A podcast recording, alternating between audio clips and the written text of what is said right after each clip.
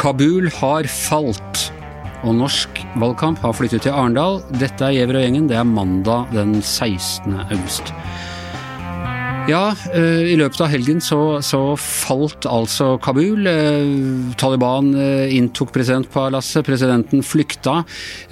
Tusener av mennesker prøver å komme seg ut av byen, og det var en dramatikk vi ikke klarte å forutse, noen av oss, dette her, Per Olav Ødegaard. Nei, og ikke president Joe Biden heller. Det er ikke så lenge siden bare noen få uker siden han sa at vi kommer i hvert fall ikke til å oppleve noe Saigon-øyeblikk i Kabul. Vi kom ikke til å se at Taliban raskt tok over landet, men det var jo nettopp det som skjedde nå i, nå i helgen. Og Saigon det er altså da i Vietnam, og for de av oss som er gamle nok, så husker vi altså da bildene av uh, hvordan uh, folk desperat flyktet med de siste amerikanske helikoptrene som vel tok av fra ambassaden i, i Saigon da i april 75. Ja, Det var fra taket på, taket på, ambassaden med en sånn stige opp i et helikopter. og Det var både amerikanere og vietnamesere da, som uh, forsøkte å komme seg med de siste helikoptrene ut av uh, ut av det, det, som var hovedstaden i Sør-Vietnam ja. den gang. Men øh, det var altså da, det var da altså Vietnam og, og, og Kong de flyktet fra. Nå er det Taliban. Det er et av de verste redselsregimene som har hjemsøkt kloden i øh, andre halvdel av øh, vårt århundre. Og hva, hva kommer til å skje nå, når Taliban gjenerobrer Kabul? Vi husker jo i 96 hvilket hvilket sånn helt sinnssykt skrekkregime det var de, de innførte med, med, steining av voldtatte kvinner, og, og, folk ble hengt fra lyktestolper og uh, svære bokbål og, og, i det hele tatt. Ja, det, jo, det gjenstår jo nå å se hvordan uh, Taliban, som nå har gjenvunnet all makt i praktisk talt hele Afghanistan, og i hvert fall i, og også i hovedstaden ta, Kabul, hvordan de kommer til å bruke denne makten.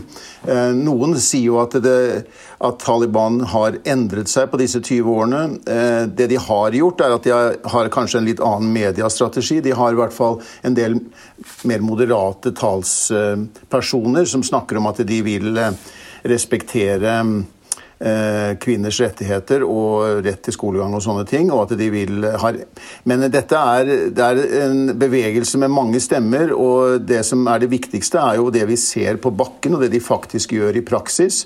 Og det kommer jo ganske skremmende rapporter om hva de nå har gjort allerede i byer og områder som de har tatt over, hvor det er tilbake til, eh, til det gamle, hvor ikke kvinner kan forlate sine hjem uten følge med menn, hvor de er ekstremt strenge eh, kleskode. da, eh, hvor, Og spørsmålet er jo om disse jenteskolene. Det er jo en generasjon jenter nå som har fått utdanning eh, disse siste 20 årene. Det er mye negativt å si om det som har skjedd i Afghanistan, men det har skjedd en del positive ting på utdanningsfronten, ikke minst for jenter og kvinner, også på helsesektoren.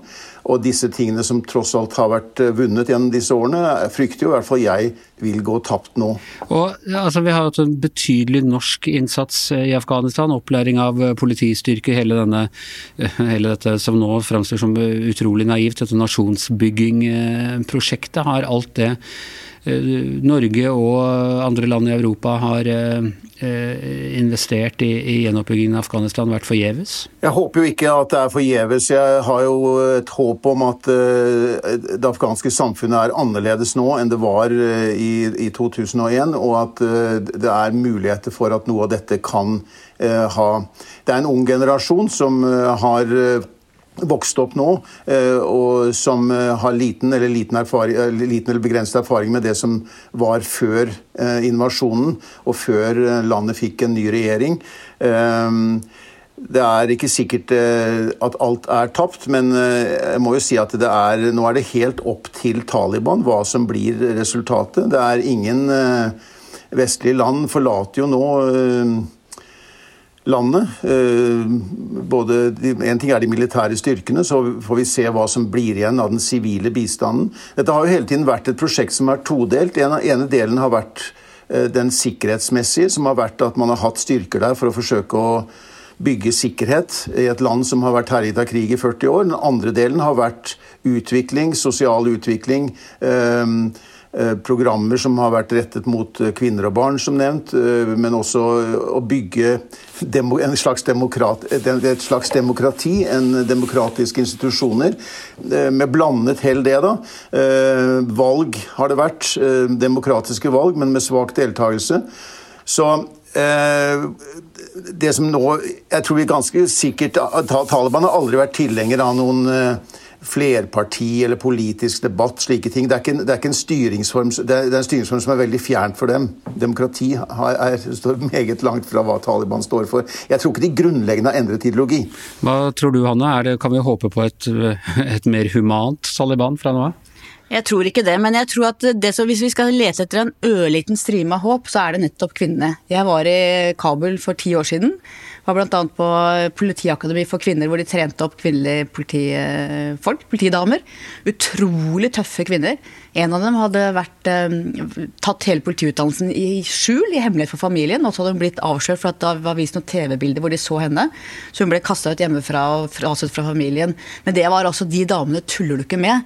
Eh, og en hel generasjon som Perola har vært inne på, med jenter og kvinner som har fått utdanning. Det er klart at det Taliban er mest redd for, er nettopp kvinnene. De er på den hemmelige styrken i Afghanistan. Men jeg er i likhet med Per Olav veldig, veldig bekymra. Og det jeg også syns er interessant med det som har skjedd de siste dagene, er at det var altså 300 000 eh, soldater og politifolk, uniformerte folk som var lært opp av Vesten gjennom 20 år mot 70 000 Taliban-soldater. Og de bare la fra seg våpen og stakk. Det var ingen forsvarsvilje. Det forteller noe om tyngden og troverdigheten og tilliten de har hatt til regjeringen.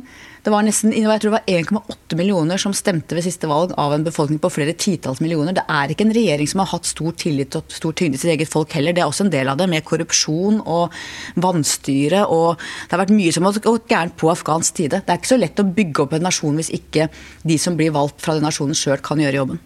Og så må vi jo si at dette er en kolossal skuffelse når det gjelder eh, president Joe Biden, en av eh, amerikansk politikks mest erfarne eh, utenrikspolitikere politikere, som mange av oss festet lit til at eh, dette var i hvert fall noe han ville, ville ha et grep på. Her har han altså bare videreført Trumps politikk og klart å, å klundre det utrolig til, eh, Per Olav. Dette, kommer dette til å definere Bidens eh, utenrikspolitiske linje, dette nederlaget? Det har vært ganske taust fra Biden nå i helgen. På lørdag så var han ute og snakket om at han på en måte var bundet av denne avtalen som Donald Trump eh, inngikk da i februar 2020. Eh, skrev en, eh, Trump skrev en avtale med Taliban om at de amerikanske styrkene skulle være ute 1. mai i år.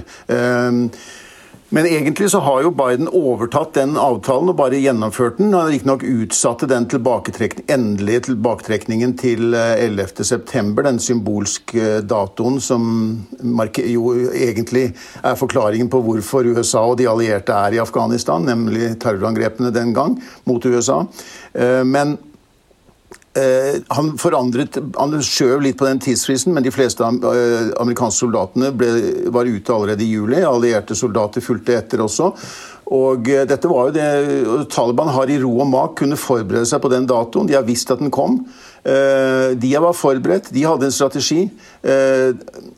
Og jeg må jo si at dette som eh, han er inne på, om dette med Det har jo vært en strategi også i Nato, dette, at man nå skal lære opp styrker i andre land. At det er mye bedre at de kjemper for sin eget eh, land da, og at man skal bruke store ressurser på å trene opp og utstyre landenes styrker.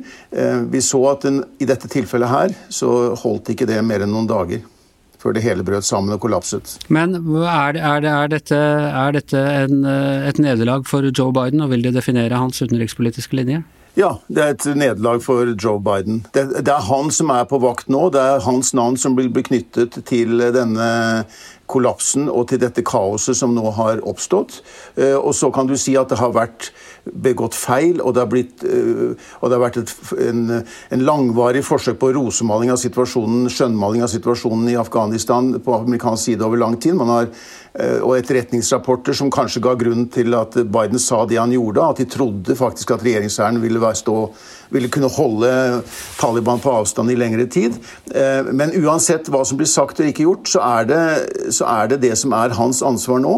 Og dette vil bli heftende med han. Og det svekker USAs anseelse internasjonalt, og det vil bli brukt mot ham internt, selv om eh, veldig mange på republikansk side jo er enig i, og det er det kanskje et flertall amerikanske velgere også, at USA må komme seg ut av denne krigen. USA må avslutte krigen etter 20 år. Det tror jeg nok de fleste amerikanske velgere mener. Jeg tror det er verre kanskje for USAs anseelse i verden enn det er for hans popularitet på hjemmebane. Eh, Donald Trump har sagt at eh, Biden må gå. Hanna, er du enig i det?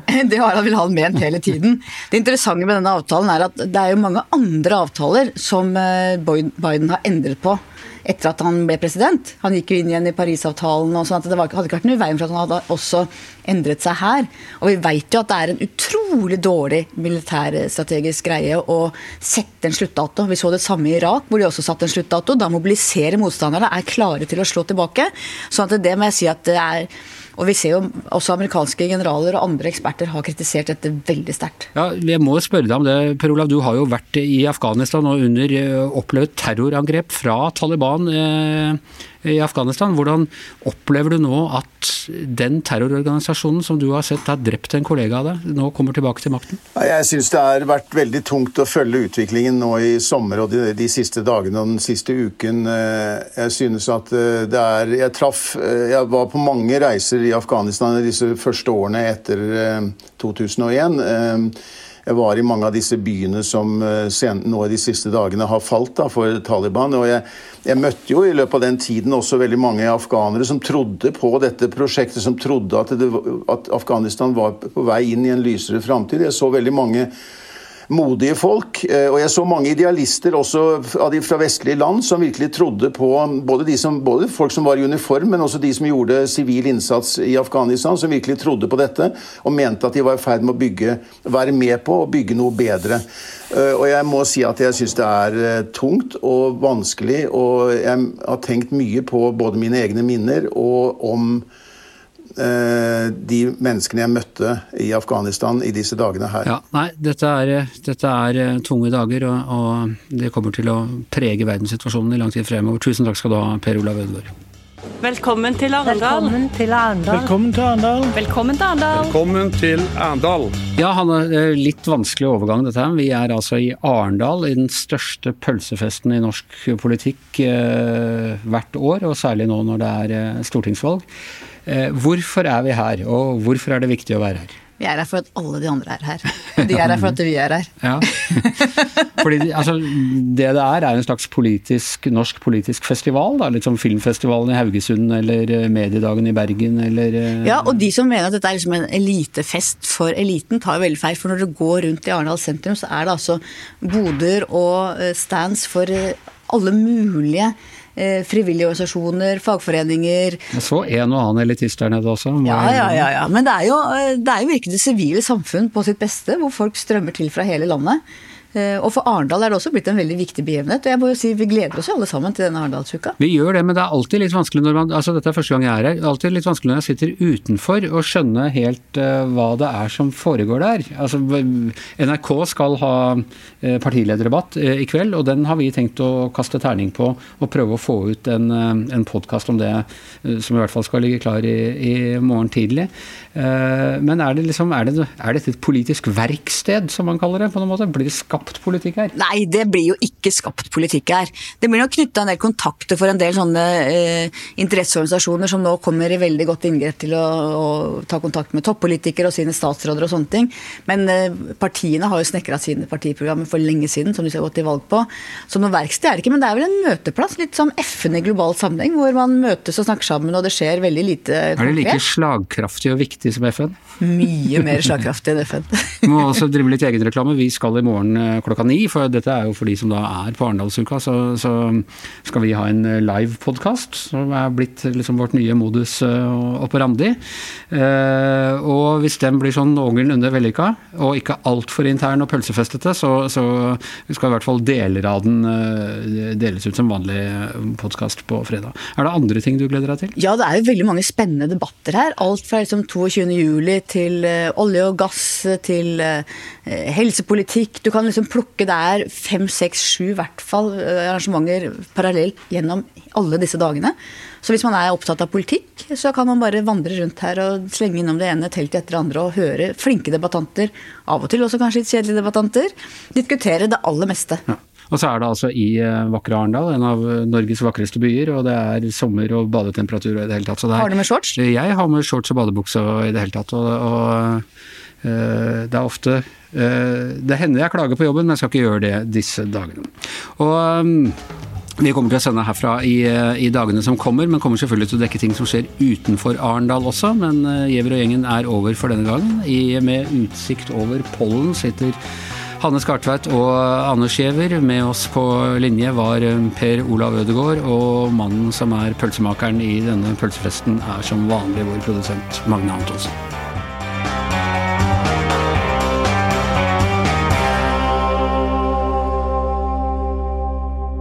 Du har hørt en podkast fra VG.